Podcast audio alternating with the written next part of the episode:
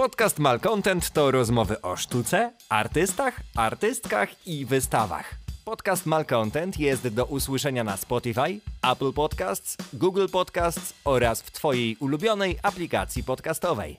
Dzień dobry, dobry wieczór, z tej strony Mikołaj Krupa, a po mojej wirtualnej, tym razem prawej stronie siedzi Adam Parol, czyli to jest czas na podcast Malcontent. Naszą artystkę poznaliśmy nazwijmy to metaforycznie, na ostatnim Warsaw Gallery Weekend. Jeżeli słuchaliście naszego odcinka, już nie pamiętam nawet, który to był, to bardzo prosto można dojść do tego, że się e, wyjątkowo e, Weroniką mm, zachwyciliśmy i że twoja wystawa była przynajmniej w naszym w naszym podcaście zaznaczona jako jedna z lepszych, to już tam decyzje jury i wszystkie inne konkursy możemy pozostawić z tyłu. Na pewno twoja zapadła nam w pamięć. I w związku z nią, w związku z tą wystawą, chcieliśmy z tobą porozmawiać e, o twojej pracy, o twoich planach, no i siłą rzeczy o, o tym, co robisz w czasie e, kulturalnego lockdownu i tym podobnych. E, bo to jest, na, wiemy zresztą i po researchu, że pytano cię o to nieraz, i od kilku lat tworzysz swoje prace w oparciu o stare zdjęcia i to są takie zdjęcia głównie z lat 50. i 60. Kto nie widział tej wystawy, o której będziemy rozmawiać, można zobaczyć na pewno jej zdjęcia na profilach społecznościowych i stronie Galerii Jednostka. To już tak mm, kończąc disclaimer.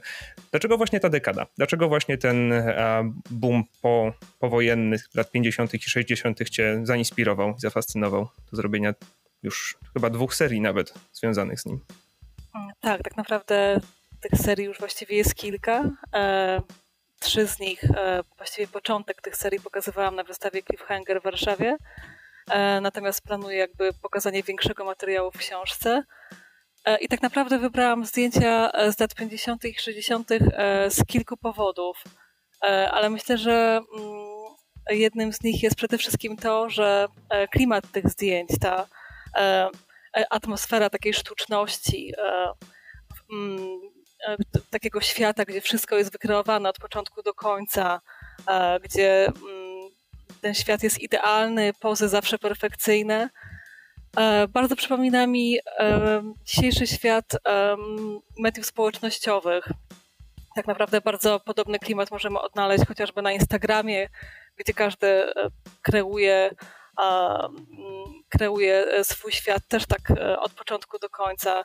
E, i odnajduje bardzo wiele analogii między właśnie tym światem e, powojennym, e, również wykreowanym na jakieś konkretne potrzeby, a tym, co dzieje się właśnie teraz. Czyli to jest jakaś krytyka nazwijmy to tej rzeczywistości społecznej, w której teraz żyjemy, no bo wszyscy wiemy, jak wyglądały lata 50. i 60. w Ameryce, że to było bardzo dużo kryzysów i nieporozumień przykrytych takim bardzo, bardzo mocnym pudrem, więc zastosowanie ich dzisiaj jest przez ciebie w jakiś sposób narzędziem do krytyki tej rzeczywistości? E, tak, w ogóle e, ciekawym zjawiskiem jest to, że w latach 50. E, powstało bardzo wiele takich klisz kulturowych, które tak naprawdę często nieświadomie stosujemy do dzisiaj. Na przykład taką kliszą jest chociażby model idealnej rodziny i jest to model rodziny nuklearnej, która tak naprawdę została bardzo wykreowana w reklamach i w różnych filmach czy artykułach właśnie w latach 50., czyli taki model, że taka prawdziwa rodzina to są po prostu rodzice i dzieci. E, I często nawet dzisiaj, kiedy oglądamy jakieś reklamy, kiedy wiem, oglądamy różne e, chociażby foldery jakieś reklamowe albo mm, e, widzimy ilustracje do jakichś artykułów w magazynach mówiących o rodzinie, to właśnie bardzo często jest powielany właśnie ten e, model. I tak naprawdę takich, e, takich różnych klisz, różnych wątków możemy znaleźć więcej, więc wydawałoby się, że mm, ten świat od tamtego okresu bardzo się zmienił, natomiast wciąż powielamy e, pewne modele postrzegania rzeczywistości. Tutaj ten stereotyp jednej, tutaj może nie nuklearnej rodziny, ale ten stereotyp rodziny i różnych ról w społeczeństwie opartych zazwyczaj na płci jest aktywny w debacie publicznej teraz, nie? W sensie jakoś, e, zresztą chyba od miesiąca, jak nie więcej, jest dookoła tego bardzo duża burza. Czy masz wrażenie, że sztuka może wpływać na mm, dyskurs polityczny albo na opinię społeczną? Tak, myślę, że w zdecydowany sposób. Ciekawe jest to, że e, wydawałoby się, że mm, po tylu latach e, walk jakby w, w różnych e, obszarach, nie tylko sztuki, e, że ten temat powinien być już dawno przepracowany i dawno zamknięty. A to tylko pokazuje, że cały czas gdzieś jednak tkwimy Mm, gdzieś bardzo daleko w tych właśnie latach odległych, że cały czas po prostu musimy walczyć e, często tak naprawdę o jakieś podstawowe prawa. No też lata 50. to jest w sumie ostatnia ostatnia taka spokojna epoka, jakby ostatnia spokojna dekada przed e, latami 60., przed 68., przed tym, co się zadziało na zachodzie, u nas nie do końca. No, nasze lata 50. są zupełnie inne. I też no, mnie to zastanawiało właśnie, dlaczego, dlaczego amerykańska wizualność? W sensie, czy to jest ze względu na tą dominację Stanów Zjednoczonych taką kulturową, czy na taki dziwny mm, uniwersalizm kultury amerykańskiej?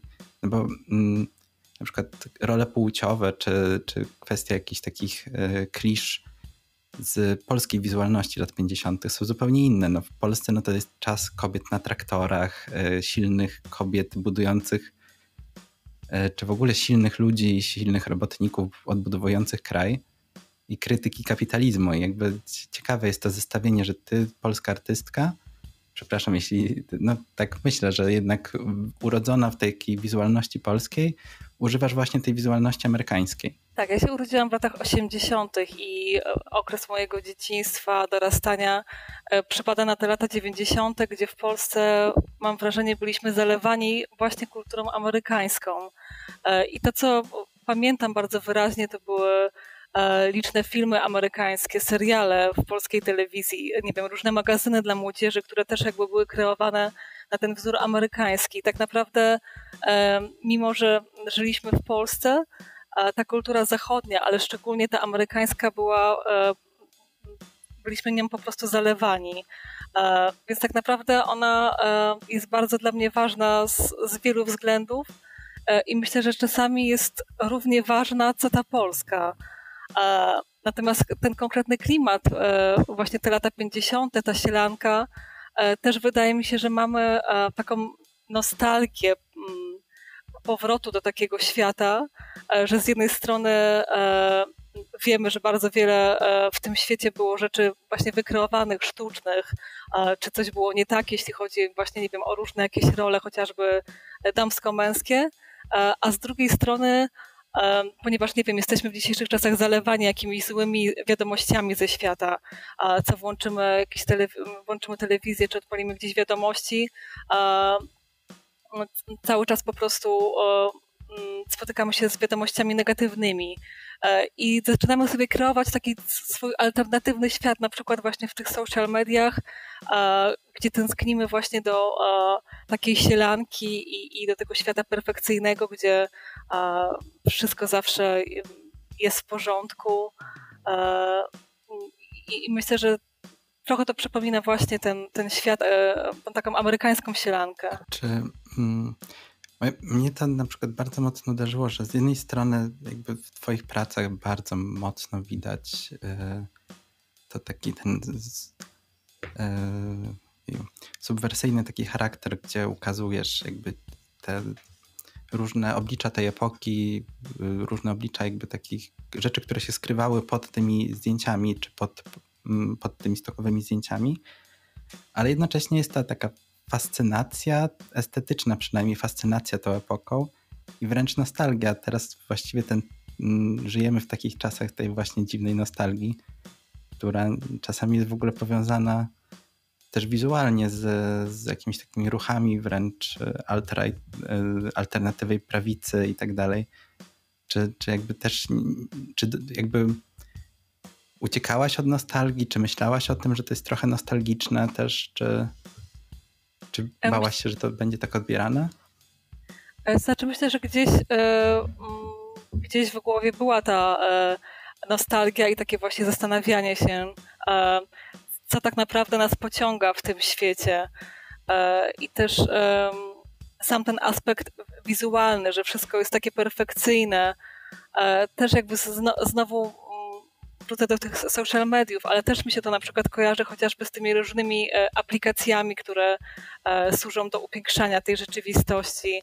E, więc tak cały czas wydaje mi się, że trochę tak żyjemy, żyjemy pomiędzy, pomiędzy taką chęcią rzeczywiście mm, parcia do przodu, jakąś po prostu nowoczesnością, a, a z drugiej strony w bardzo wielu ludziach jest jakby ta nostalgia za tym, co było i tak naprawdę trochę jesteśmy w takim rozkroku, więc myślę, że też mm, w tych fotografiach, w tych kolażach staram się pokazać jakby różne skrajne emocje, mm, różne estetyki, ponieważ z jednej strony jest to jakiś świat perfekcyjny, a, z drugiej staram się zawsze umieścić tam coś, coś niepokojącego, e, jakieś elementy destrukcji chociażby.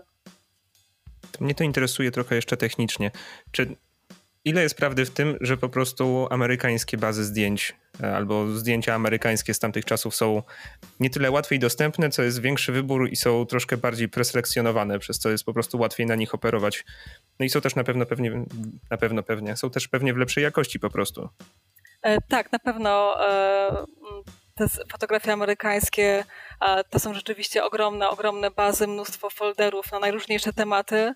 E, I tak naprawdę fotografia wtedy tam po prostu była bardzo prężna i nawet jakieś zdjęcia, które rzeczywiście wyczuwamy, że są to zdjęcia amatorskie, są często bardzo świetnej jakości, takie, które u nas po prostu uchodziłyby za jakieś zdjęcia profesjonalne, więc na pewno jest jakaś większa łatwość e, w znalezieniu tego typu fotografii. Natomiast e, nie ukrywam, że e, no, pociąga mnie właśnie klimat tego typu fotografii, ponieważ można też znaleźć tam różne zdjęcia też po prostu europejskie z tego samego okresu, których też czasami używam i też w niektórych projektach się one znajdują, ale jednak rzeczywiście E, jest bardzo duża przewaga e, fotografii amerykańskiej z tego okresu. Masz jakąś publiczność w Ameryce? E, tak, dochodzą mnie czasami tak różne, często ciekawe głosy. Mm, chociażby, mm, znaczy ciekawe są różne interpretacje moich prac przez, nie wiem, jakichś niektórych amerykańskich krytyków czy jakieś magazyny które bardzo często łączą na przykład te pr prace z jakąś obecną e, polityką, chociażby na przykład właśnie e, z krytyką polityki Donalda Trumpa, więc jest ciekawe. Tak z grubsza to komplement chyba, nie? To... Tak, tak, ale właśnie ciekawe jest tak, że te, e, te prace jakby są dopasowywane jakby w, w różne konteksty, w zależności od tego na przykład w którym kraju gdzieś coś było pokazywane więc często właśnie jest to albo jakaś po prostu polityka bieżąca, a z drugiej strony właśnie na przykład walka e, o prawa kobiet, więc e, tak, to jest, to jest ciekawe. Tam właśnie w Timesie chyba, w New York Times została, twoja praca ilustrowała jeden z aktywistycznych artykułów, nie? To... Tak, tak. A czy takie to. Mm, jedno z pierwszych rzeczy, jakie w ogóle przyszły mi do głowy, już poza tym kontekstem w ogóle znaczenia tych prac, to jest to, że one są niesamowicie dopracowane. W sensie jest bardzo wysoka jest jakość tych zdjęć, jakby twoja ingerencja jest też taka czasami wręcz niewidoczne to jest złe, złe słowo, ale jakby mało, jakby ciężko, trzeba się dopiero wczuć, popatrzeć, y, skupić i dopiero można ją dostrzec, bo jest tak dobrze wpasowana. Jakby, czy mm, przy, przykładasz bardzo dużą uwagę do, do estetyki i w sumie to mm, jakby, czy to jest taka wypracowana cecha, czy jakby, czy zawsze tak było, że e, w taki sposób funkcjonowałaś, że e, przykładasz jakby też dużą uwagę do tego, jak te zdjęcia będą wyglądać później w galerii, nie tylko na ekranie twojego komputera, ale jako obiekt, bo właściwie też jakby one były prezentowane bardzo mocno jako obiekty, jakby te ramy były takie y, głębokie, no to była sama wystawa też jakby i to, to zdjęcie jako obiekty to było to ciekawe doświadczenie, takie estetyczne. Tak, dla mnie e, bardzo ważna jest też ta sfera wizualna i zawsze staram, e, e, staram się wyobrazić, jak konkretny obraz, konkretna praca powinna wyglądać już rzeczywiście finalnie, więc w jakim powinna być formacie, w jaki sposób pokazywana, Mm, I tak naprawdę mm, nad każdą pracą pracuję bardzo, bardzo, bardzo długo. Czasami jest to nawet kilka tygodni nad pojedynczym e, kolażem. E, I bardzo mi zależy, żeby właśnie w tych kolażach była zatarta ta granica między między oryginalnym obrazem a moją ingerencją, żeby rzeczywiście zatarł się ten świat rzeczywisty z tym światem wykreowanym. Wszystkie te kolaże powstają w obrębie jednej pracy, a więc nie mieszam ze sobą różnych zdjęć, tylko te poszczególne drobne fragmenty są e, jakby pobierane z, z tego konkretnego jednego zdjęcia i z tego jakby mm, kolejno buduje następne kształty. I to właśnie w jakiś sposób pozwala mi zacierać te granice.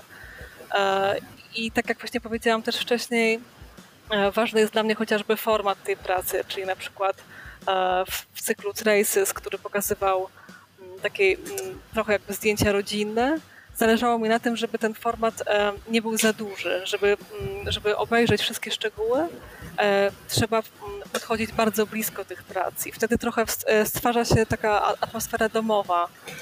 Trochę się czujemy jak u kogoś w domu, kiedy podchodzimy do ściany, żeby obejrzeć zdjęcia rodzinne.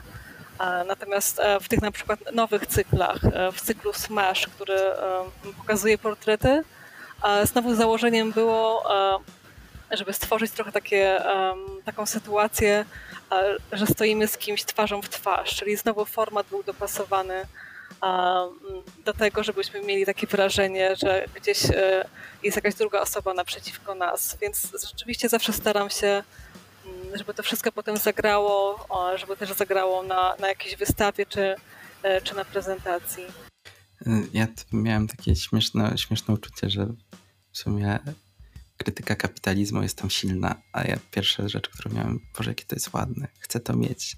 I to jest jakby takie trochę niebezpieczne, ale ale myślę, że to jest też e, bardzo ciekawe, no bo często widać szczególnie, że, że twórcy y, nie dbają, jakby, o te, jakby tworzą coś, co jest super, a później jakby ta kwestia to już taka, nie wiem, oprawienia czy coś to jest zostawiane i jest w jakiś sposób robione wtórnie. E, więc to, to jest bardzo taki duży szacunek też dla, dla widza, jakby to, że zdjęcia i twoje prace są tak zadbane. Nie wiem, czy to... Na mnie to zrobiło wielkie wrażenie w czasie, w czasie w ogóle wystawy. Znaczy, cieszę, się, cieszę się bardzo, natomiast też um, jakby takim założeniem było, że e, skoro pracuję na takich pracach, e, na, na fotografiach, które rzeczywiście pokazują taki perfekcyjny świat, a to staram się jakby też elementy tej powiedzmy perfekcji gdzieś po prostu wprowadzić dalej.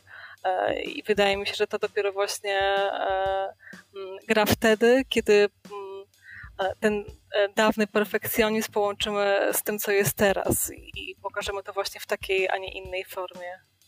Kiedy rzeczywiście te wszystkie elementy są dograne. Również twoje obiekty, właśnie na przykład ze, ze stali, takie błyszczące, piękne, leżące na, właściwie są takimi trochę pomnikami tych przyrządów kuchennych na przykład z wystawy kolekcja.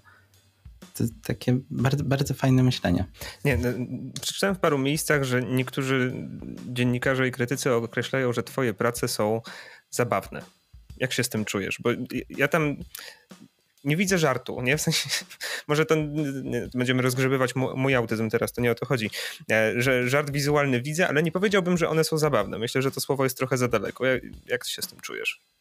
Zazwyczaj staram się e, łączyć jakieś skrajne emocje, na przykład e, połączyć coś z pozoru zabawnego z czymś, co jednak budzi jakiś niepokój. I tak naprawdę bardzo wiele osób mówi, że te prace są z pozoru zabawne, że jak po prostu tak spojrzę na nie z daleka, e, to wydaje się, że to rzeczywiście jest coś zabawnego, ale po chwili e, ten uśmiech schodzi e, z twarzy, więc być może, nie wiem, szukałabym chyba właśnie rzeczywiście w tych, w tych regionach emocji, że tak nie do końca wiemy, jak się zachować, kiedy to widzimy, czy właśnie czy się śmiać, czy płakać, może powiem tak. Więc rzeczywiście mm, słyszę, mm, słyszę często, że te prace są zabawne, ale zazwyczaj właśnie jest tak, że następne zdania mówią o tym, że, że po chwili te, te emocje się jednak zmieniają. A czy twoje prace są surrealistyczne? Ten, taką kwestię usłyszałaś? Tak, to też, też y, często pada i to jest też jakby y, ciekawe, bo y, powiem szczerze, że aż tak bardzo się nad tym nigdy nie zastanawiałam, ponieważ tak naprawdę one często są dla mnie bardziej realne niż ten obraz pierwotny. Powiem tak, że często wydaje mi się, że dopiero po tej modyfikacji są bardziej prawdziwe niż E, to, co było wcześniej. Właśnie dlatego mieliśmy taki zgrzyt z tym określeniem, ponieważ wiesz, surrealizm po polsku to zazwyczaj jest domena mocno starszych panów, którzy mają skrajnie prawicowe poglądy, nie? Tak, żeby tutaj już nie, nie wymieniać nazwisk, nie? I co, co się raczej kłóci z dobrym smakiem i gustem i wszystkim po drodze, więc e, po prostu Chcieli, chcieliśmy napisać w jednym pytaniu, że są surrealistyczne, ale z drugiej strony pomyśleliśmy, że ten polski surrealizm to jest troszkę bardziej raczej nie komplement, nie rozumiesz o czym mówię. I gdzie jest ta granica? Bo, mm, w sensie, gdzie wyznaczyć jakąś taką granicę dobrego smaku? Tutaj mm, ci podpowiem, odpowiadając oczywiście sobie na pytanie, jak najlepszy dziennikarz, nie? W sensie, Adam zwrócił mi uwagę na to, że surrealizm w fotografii działa zupełnie inaczej niż surrealizm w malarstwie. I w jaki sposób pilnujesz siebie, żeby nie, przekroczy, nie, nie przekroczyć jakiejś takiej granicy kiczu albo zbędnego, zbędnego elementu środka wyrazu? Powiem tak, że e, nad, nad każdym zdjęciem pracuję bardzo, e, bardzo długo i tak naprawdę nawet po skończonej pracy gdzieś je odkładam i e, wracam do niego po ileś razy też w przeciągu jakiegoś długiego czasu. I czasami rzeczywiście gdzieś zobaczę je po jakimś czasie i mam jakieś wątpliwości, że może jednak no to już jest za dużo, to już jest jakieś przekroczenie jakiejś granicy, więc e, mm, rzeczywiście wydaje mi się, że po prostu e, e, jakaś taka samokontrola, czy jak to po prostu wiele osób mówi, przynajmniej kiedyś słyszałam takie powiedzenie, że w ciemni fotograficznej najważniejszym przedmiotem jest kosz na śmieci, więc tak naprawdę u mnie chyba też to jakoś funkcjonuje, że rzeczywiście nie pokazuję wszystkiego, co robię, tylko jednak staram się trochę jeszcze nad tym porozmyślać, zanim gdzieś to pójdzie dalej w świat, więc. Czyli poddajesz sztukę kwarantannie, to modne ostatnio. E, tak, tak. Znaczy, myślę, myślę, że to nie jest prosta sprawa, kiedy rzeczywiście pracuje się mm, bardzo długo w samotności nad jakimś jednym konkretnym projektem, i, bardzo trudno być e, takim krytykiem e, własnej twórczości, więc przypuszczam, że nie udało mi się uniknąć też tych błędów i gdzieś tam pewnie być może te granice gdzieś tam zostały przekroczone, więc tak naprawdę trudno bardzo oceniać siebie samego. Mi się to pytanie nie podobało. Ja je wykreśliłem. Nie podobało Było bez sensu. Ja się zastanawiałem tylko, jak się czujesz z tym określeniem surrealistyczne, czy ona ci pasuje, czy, czy nie ale, ale myślę, odpowiedziałeś, że chyba, chyba jednak tak, że jest, jest to określenie fajne. Chociaż nie do końca je widzisz. No tak, chyba, chyba nie do końca, tak. Nie, Adam, ty, ty, ty, masz lepsze pytania z tego, co widzę, więc ja ci tu nie przeszkadzam, nie? Nie, nie, nie. No. E, a jak ci się tworzyło? Bo na, na WGW byłaś jedną z niewielu artystek, które miały, e, uczestniczyły w dwóch wystawach. Miałeś zarówno wystawę indywidualną, jak i twoje obiekty znajdowały się na wystawie Polony Institute w Kleju. E, jak, jak tam trafiłaś? Bo nie jesteś artystką Polo, e, Polany i w jaki sposób czy byłaś jakby z racji na powiększone przedmioty kuchenne, byłaś po prostu pierwszym trafem i tak, dzwonimy do Gęsickiej, mamy kuchnię, dzwonimy do Gęsickiej, czy... Znaczy, mniej więcej było coś takiego, że dziewczyny pozespolane odezwały się e, w sprawie konkretnych prac, które e, gdzieś tam wcześniej e, widziały i rzeczywiście miały koncepcję, żeby te konkretne obiekty zagrały z jakimiś pracami, które miały już wybrane.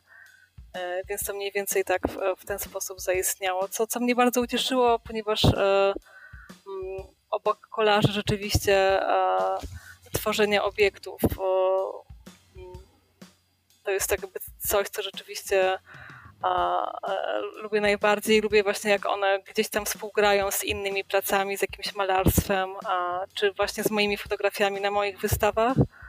Więc to była w ogóle bardzo, bardzo fajna koncepcja. One tam w ogóle zostały wystawione w takim samym formacie jak twoje kolaże, bo to było e, o tyle ciekawe dla tych, którzy tego nie widzieli, to było, było studio nagraniowe e, z chyba czterema czy pięcioma kuchniami. Mm, i to było bardzo duże pomieszczenie, w których e, e rzeźby Weroniki były poustawiane na blatach kuchennych przy, e, pod szafkami i tak dalej. I wracając do tego mojego wrażenia z tych fotografii, tak przechodząc ten żart się zauważało dopiero po jakimś momencie, że ej, ta tarka nie ma 20 centymetrów, prawda, tylko że ma pół metra blisko. Więc e, to było właśnie, mieliśmy to szczęście, że byliśmy najpierw na wystawie, na wystawie e, w jednostce, a potem dopiero pojechaliśmy do Polany, więc e, mieliśmy, mieliśmy ten mm, dystans czasowy i mm, tak, tutaj Adam w trzecim odcinku zeszłej serii chociażby miał bardzo duże zastrzeżenie, że twoje tarki są za małe. To Adaś, zostawiam cię z tym. Nie, przepraszam, tak, ja się tak, śmiałem. A tarka, a tarka, tarka miała tak, e, mm, była robiona bardzo konkretnie w tym wymiarze, ponieważ e, jak, się, jak podejdziemy bardzo blisko, to zobaczymy, że zamiast ostrzy są kobiece palce, więc e, cały ten wymiar był jakby robiony pod moje, moje palce konkretnie. Okej, okay, dobra, to teraz wszystko tłumaczę, bo ja się zastanawiałem, mm, bo tak jakby E, dziadek do orzechów jest taki, że można nim zgnieść człowieka. E, a tarka, tarka jest jakby ten wymiar, jakby nie, znaczy później już czytałem też te palce, jakby widziałem te palce, e, ale rzeczywiście, no jakby to ma, to ma duży sens, bo ja się zastanawiam, dlaczego to nie jest wysokości na przykład osoby, dlaczego nie można zetrzeć na niej człowieka. Ale tak, to, można tak, zetrzeć rękę. To się jakby tak odnosi też do, do, konkretnych jakichś proporcji ciała, na przykład e, dziadek do orzechów um, ma mniej więcej proporcje kobiecych nóg. A, więc jakby w każdym obiekcie jest jakieś konkretne nawiązanie do, e, do jakiejś części ciała. A kiedy zaczęłaś robić obiekty? Bo właściwie wydaje się, że bardziej znana jest ta część twojej twórczości dwuwymiarowa i jak, jak zaczęłaś tworzyć e, rzeczy w trzecim wymiarze? Tak naprawdę pierwsze obiekty e, powstawały równolegle z jakimiś pierwszymi fotografiami już na studiach. E, tylko przez bardzo długi czas były to po prostu rzeczy takie robione dla siebie, nie pokazywane gdzieś dalej. Więc tak naprawdę dopiero chyba w ciągu ostatnich, nie wiem, dwóch lat zaczęłam pokazywać e, również obiekty, które często właśnie współgrają e, z tymi kolażami. I zaczęłam łączyć poszczególne prace na wystawach i wydaje mi się, że to wtedy dopiero tworzy rzeczywiście jakąś taką spójną całość. To wystawa w Project Roomie była taką premierą obiektów? Wydaje mi się, że chyba tak, tak. To było chyba rzeczywiście mm, taka pierwsza wystawa, gdzie pokazałam więcej tych obiektów, tak. A, mm, Tematem tej wystawy była właściwie ludzka pamięć i e, powiązanie pamięci, tożsamości człowieka. A dlaczego akurat kuchnia? Bo powiedziałaś, że kuchnia wiąże się z domem, z ciepłem rodzinnym. Czy masz też jakby jakieś takie wspomnienia e, swoje? Jakby, nie wiem, bawiłaś się w kuchni, bo z tymi przeskalowanymi wtedy e, dla ciebie rzeczami? Przed, przedmiotami kuchennymi? Właściwie nie, nie chodziło jakby konkretnie o, e, o moje wspomnienia, natomiast myślę, że kuchnia e, jest jakimś takim miejscem, miejscem szczególnym.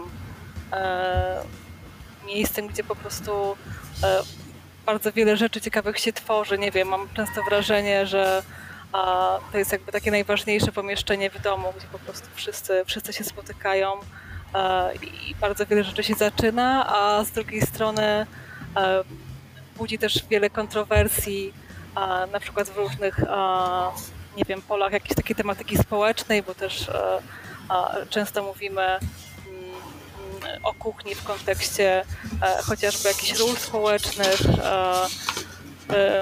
ról rodzinnych, więc, e, więc myślę, że to jest jakby takie miejsce szczególne, magiczne, a też jakieś z drugiej strony trochę kontrowersyjne. Bo y, ja na przykład, to jedno z moich jakichś takich pierwszych w ogóle wspomnień to jest to, że, że bawiłem, mama mnie brała i sadzała w kuchni, jak coś robiła, bo no, no kuchnia jest sercem domu, więc jakby też często tam przebywała.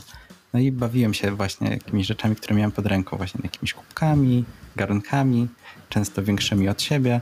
Więc to też jakby mm, tak zastanowiło mnie to, czy, czy też masz jakieś takie wspomnienia.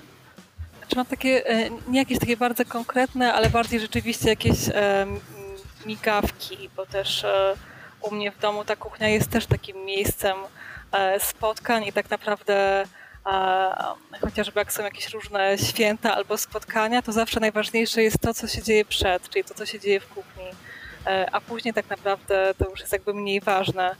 I też myślę, że w wielu domach tak to właśnie wygląda że jest to jakby takie rzeczywiście e, to serce domu. Tak, a właściwie utrwalane w jakiejś takiej pamięci, czy na przykład przy pomocy fotografii, są właśnie rzeczy, które się już dzieją po kuchni, jakby już to jedzenie przy stole, święta, tak, jakby dokładnie. kuchnia jest jakby pomijana.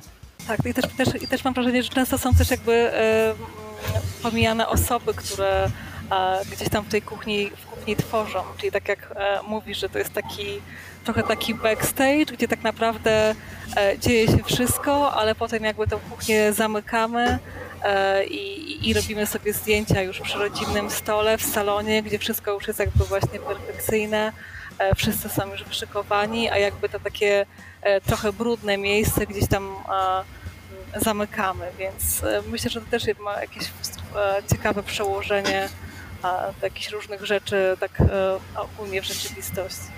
A czym się różni zrobienie wystawy w Project Roomie od e, zrobienia wystawy w prywatnej galerii? Czy w, jednym, czy w prywatnej galerii jest jakoś więcej wolności, czy jest lepszy budżet? Są jakieś takie ważne różnice? E, myślę, że zależy e, e, konkretnie od, od galerii i tak naprawdę ja zawsze staram się podchodzić w jakiś podobny sposób do każdej wystawy. Znaczy wiadomo, że jak jest jakaś wystawa, gdzie e, wiemy, że budżet jest zerowy, no to tak, trzeba e, kombinować trochę w inny sposób niż tam, e, gdzie wiemy, że możemy na przykład wyprodukować nowe prace. Więc tak naprawdę mm, wszystko zależy właśnie od konkretnego miejsca i od konkretnej przestrzeni. I też właśnie dla mnie bardzo ważna jest też jakby sama przestrzeń, też na ile sobie już nawet poza samym budżetem, e, na ile możemy sobie pozwolić na przykład, nie wiem, coś zmienić e, e, w danym pomieszczeniu, po prostu jak konkretne prace będą ze sobą współdziałały, więc wiadomo, że im więcej mamy tej swobody, tym ciekawsza wystawa może powstać.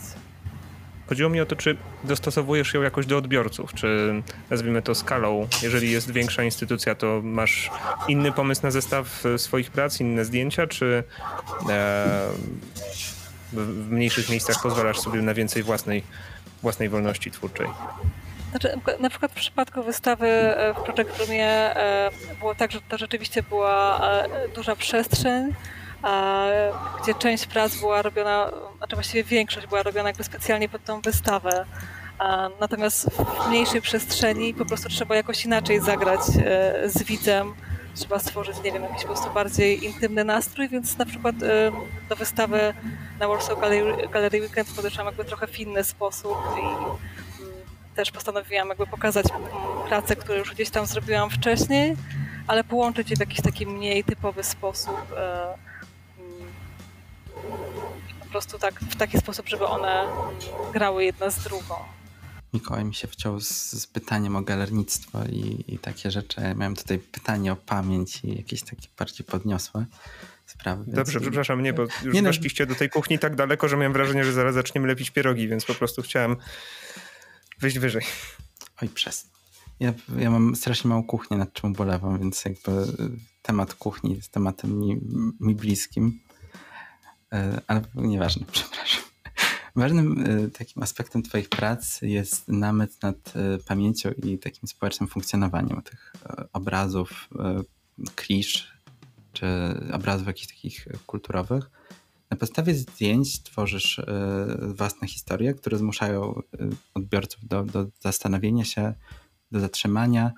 I czy mm, zastanawiam się, czy też myślisz o swoich pracach jako o takim przedłużeniu pamięci o sobie. W sensie widziałem w, w niektórych wywiadach właśnie gdzie podkreślany był ten temat pamięci, mówiłaś o, o własnym archiwum domowym, że nie masz zdjęć z dzieciństwa dużo.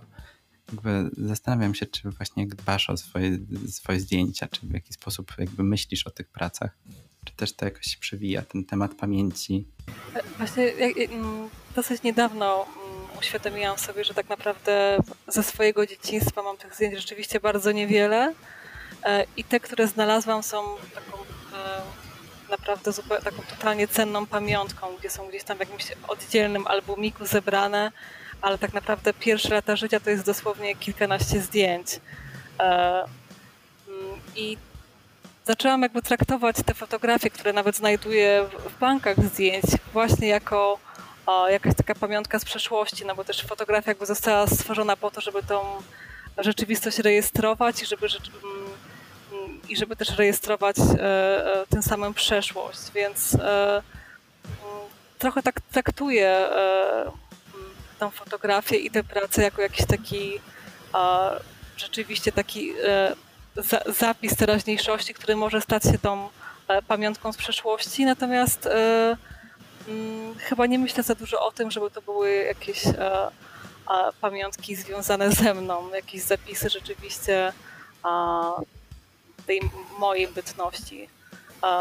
W ogóle bardzo ciekawi mnie też, ciekawi mnie temat możliwości manipulowania tymi fotografiami, co jest dla mnie często równoznaczne z manipulowaniem historią tak naprawdę kiedy przeglądam chociażby te fotografie w bankach zdjęć, które tak naprawdę mają dołączone tylko te hasła klucze, które mówią mm, wszystko i nic, możemy bardzo mm, różnorako e, te zdjęcia interpretować. I to też jakby znowu powstaje pytanie, jak możemy za pomocą tych fotografii czytać tą przeszłość, kiedy e, tak naprawdę do fotografii nie jest dołączona jakaś e, większa historia, E, i możemy taką fotografię dopasować prawie do każdej sytuacji. Mi się przypomniała właśnie jakby w kwestii tej manipulowania pamięci, to jest taka praca Tomasza Konarta e, z, z czasów, kiedy już był w Kanadzie i chodził sobie po takich junk shopach, gdzie sprzedawano po prostu tonami, sprzedaje się zdjęcia rodzinne ludzi, którzy umarli, nie, nie mieli rodziny, jakby można sobie kupić pudełko zdjęć kogoś. No i on kupował sobie takie zdjęcia i, i jakby kiedy był tam sam, no to ustawiał sobie je jeszcze w domu, jakby zagospodarował swoją przestrzeń.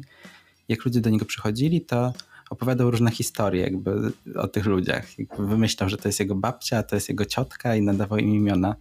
Takie jest bardzo no, dużo mówi o naszej pamięci, jakby jak łatwo obraz, kiedy, kiedy odchodzi jakby słowo, może być manipulowane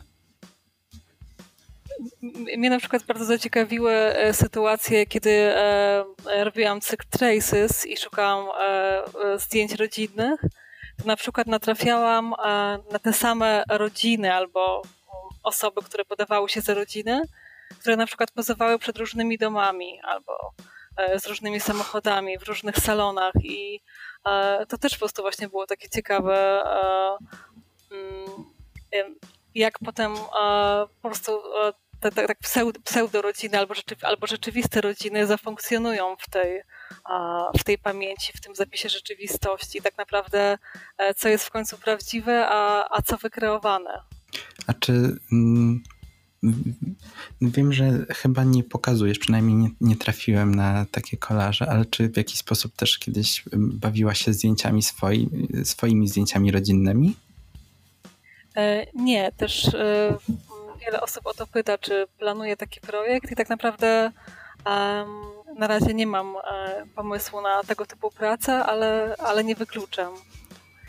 Natomiast jednak najbardziej fascynują mnie właśnie takie zdjęcia um, trochę anonimowe, gdzieś um, wrzucone właśnie w bank zdjęć z taką możliwością korzystania z nich na bardzo wiele sposobów, co daje te możliwości właśnie manipulacji kiedy tak naprawdę nie wiemy do końca, na, co tak naprawdę patrzymy.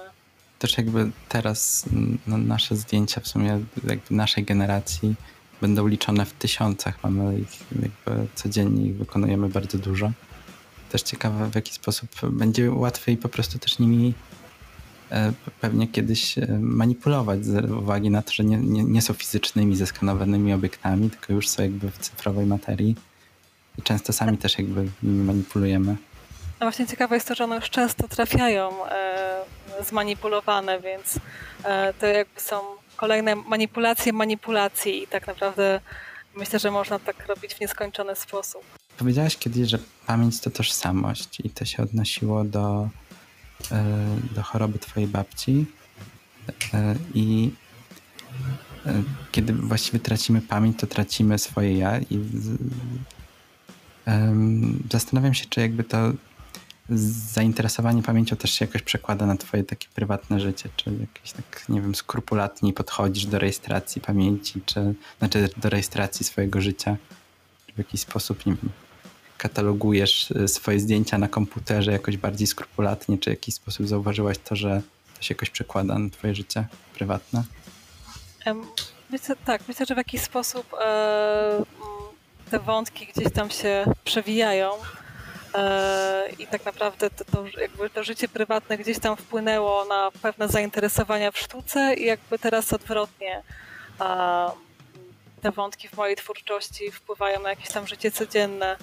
E, I myślę, że tak, myślę, że częściej po prostu zastanawiam się nad samymi na przykład wspomnieniami, e, gdzie też na przykład na wystawie w Project Roomie był podjęty ten wątek fałszywych wspomnień i często sama łapię się na tym, że mam jakieś wspomnienia z dzieciństwa, które tak naprawdę e, okazują się tylko jakąś opowieścią kogoś z rodziny, e, którą ja sobie jakby na, e, mm, jakby tak przyjęłam do swojej pamięci i teraz podaję jako własne wspomnienie, ale nagle okazuje się, że nie jest po prostu możliwe, żebym to pamiętała. E, więc myślę, że tak, że gdzieś tam po prostu e, częściej e, myślę o takich sytuacjach. Mnie to jakoś tak terroryzuje, taka myśl, że mam tak dużo zdjęć i nie jestem właściwie w stanie ich w żaden sposób przetworzyć. Nie jestem w stanie ich zachować w formie drukowanej, jest ich tak dużo. Też jest jakby taki wyznacznik chyba naszych czasów, że w jakiś sposób tracimy, tak jak kiedyś mogliśmy wziąć jeden album i przeglądać te wspomnienia, tak teraz właściwie ta fotografia służy bardziej zapominaniu i robimy zdjęcie, żeby kiedyś do niego wrócić i nigdy do niego nie wracamy. No tak, właśnie myślę, myślę, że to jest tylko właśnie taka pozorna e, łatwość tego, że mm, możemy więcej rzeczy zapisywać i dzięki temu będziemy więcej rzeczy pamiętać, bo tak jak właśnie mówisz, e, zapisujemy ich tak dużo, że tak naprawdę jest to po prostu jakby to tożsame z tą e, przeżywaniem tej, tej chwili w ułamku sekundy i tak naprawdę już nie, nie dokumentujemy tylko ważne, ważne momenty, ale tak naprawdę wszystko, wszystko, co nas otacza. Mam pytanie dotyczące e, zeszłego roku. W sensie dostałaś e, nie rok temu, tylko w ostatniej edycji paszport polityki. I to wobec bardzo dużej konkurencji. Można by się, mogłoby się zdawać. Czy taka nagroda otwiera jakieś nowe drzwi? W sensie jakieś nowe perspektywy się jeszcze w tych czasach za takimi dużymi markami otwierają? E, powiem tak, że był to właśnie czas e, e, specyficzny, ponieważ chwilę później był marzec i tak naprawdę już wybuch epidemii w Polsce i pojawiły się jakieś różne ciekawe propozycje, natomiast potem jakby w ciągu najbliższych miesięcy to wszystko się rozmyło, więc tak naprawdę bardzo trudno teraz mi powiedzieć, jak to wpływa powiedzmy na jakiś tam późniejszy, późniejszy rozwój, bo rzeczywiście ten rok był bardzo specyficzny e, i myślę, że tak jest no, zupełnie, zupełnie inny niż wszystkie. Ale, ale e, myślę, że z pewnością jest to, jest to nagroda bardzo ważna e, i rzeczywiście byłam bardzo, bardzo zaskoczona, że, znaczy w ogóle byłam najpierw zaskoczona nominacją, a później, później rzeczywiście tą wygraną. I, i, i myślę, że otwiera, otwiera zdecydowanie jakieś e, nowe rejony. A w jaki sposób ta pandemia, koronawirus, lockdown wpłynęły na Twoją pracę? W sensie jakoś się zmienił, zmienił model, bo można by pomyśleć, że generalnie i tak tworzysz swoją sztukę głównie samodzielnie i to nazwijmy to w zamkniętych pomieszczeniach, więc e, chcę się zapytać, w jaki sposób wszystkie te nastroje, e, czy ta, nie wiem, globalna panika, czy jakoś wpłynęły na, twoje, na twoją twórczość? E, myślę, że nie wpłynęły tak bardzo na e, sam tryb pracy, bo tak jak powiedziałeś, po prostu zazwyczaj jestem zamknięta w swojej pracowni z komputerem i po prostu tworzę te swoje kolaże. Natomiast też bardzo ważna jest jakaś interakcja z widzami i oprócz jakby tej samej takiej pracy rzeczywiście sam na sam jest jednak jest sporo jakichś spotkań, wystaw, które też dają trochę taki oddech i też pokazują jakąś inną perspektywę, więc e, trochę mi rzeczywiście tego, tego brakuje. Tak naprawdę skupiłam się teraz już tylko na tej takiej pracy e, nad kolejnymi projektami, ale już e, bez konfrontacji tego z innymi. Więc a te wszystkie niepokoje, te wszystkie takie huśtawki nastrojów, które tak naprawdę ma chyba całe społeczeństwo, też myślę, że w jakiś sposób E, wpływa jednak na to, jak nie wiem, powstają chociażby poszczególne prace. E, gdzieś jakby to takie podskórne uczucie lęku cały czas we mnie występuje. Też jest bardzo typowe jakby dla twoich prac e, właśnie to takie podskórne uczucie lęku. Hula hop z gwoździami, prawda?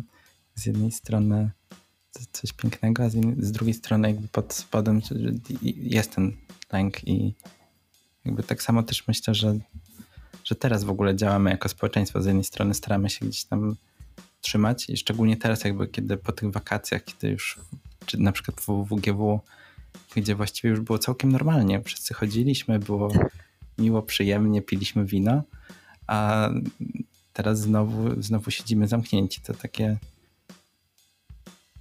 nie wiem, jakieś, nie, nie mam pytania, to takie przemyślenie, że że było już miło. Odebrałaś jakiś, odebrałaś jakiś feedback, feedback po WGW? W sensie mm, jakieś komentarze do ciebie dotarły? Tak, tak znaczy bardzo, bardzo dużo rzeczywiście było komentarzy e, od osób, które gdzieś tam pisały albo mówiły, że tak się właśnie teraz czują, że czują się właśnie tak dziwnie, e, że gdzieś te prace właśnie tak e, oddają jakieś takie te emocje, chociażby z tego ostatniego roku, że tak sami nie wiedzą, czy, czy się czują dobrze, czy źle, czy że tak cały czas gdzieś tam jest ten lęk. Więc rzeczywiście najwięcej chyba e, było takich opinii, że po prostu te prace jakoś oddają ich emocje.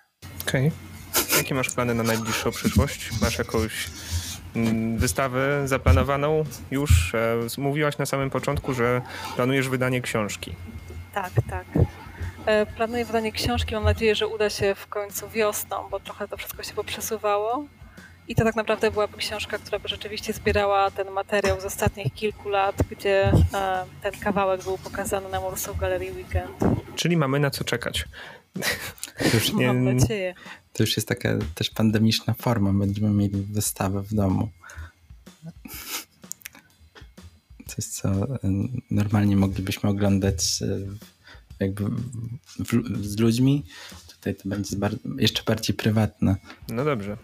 To w obliczu tego Weronika, bardzo Ci dziękujemy, że zechciałaś z nami porozmawiać. Bardzo się cieszymy, bo tak jak ci powiedziałem, e, jesteśmy twoimi fanami, może dlatego ta, ta rozmowa się nie kleiła aż tak dynamicznie, jak sobie to wyobrażałem, ponieważ e, ch chyba za dużo, za, za, za, dużo zachwytów, musisz wybaczyć. Następnym razem będziemy bardziej hamscy. E, I zapowiedzieliśmy w zeszłym tygodniu naszym, e, na, naszym słuchaczom cliffhanger, e, który się, ta obietnica się wyjaśniła i spełniła. E, I na przyszły tydzień, Adam, to w przyszłym tygodniu będzie twój coming out, taki publiczny, mam wrażenie, w, tym, w, w takim wypadku i ten żart również, tak jak poprzednio, się wyjaśni za tydzień. Dziękujemy wam jeszcze raz. Z tej strony mówili Mikołaj Krupa, Adam Parol, a naszym, naszą gościnią była Weronika Gęsicka. Dziękuję bardzo. To był podcast Malcontent.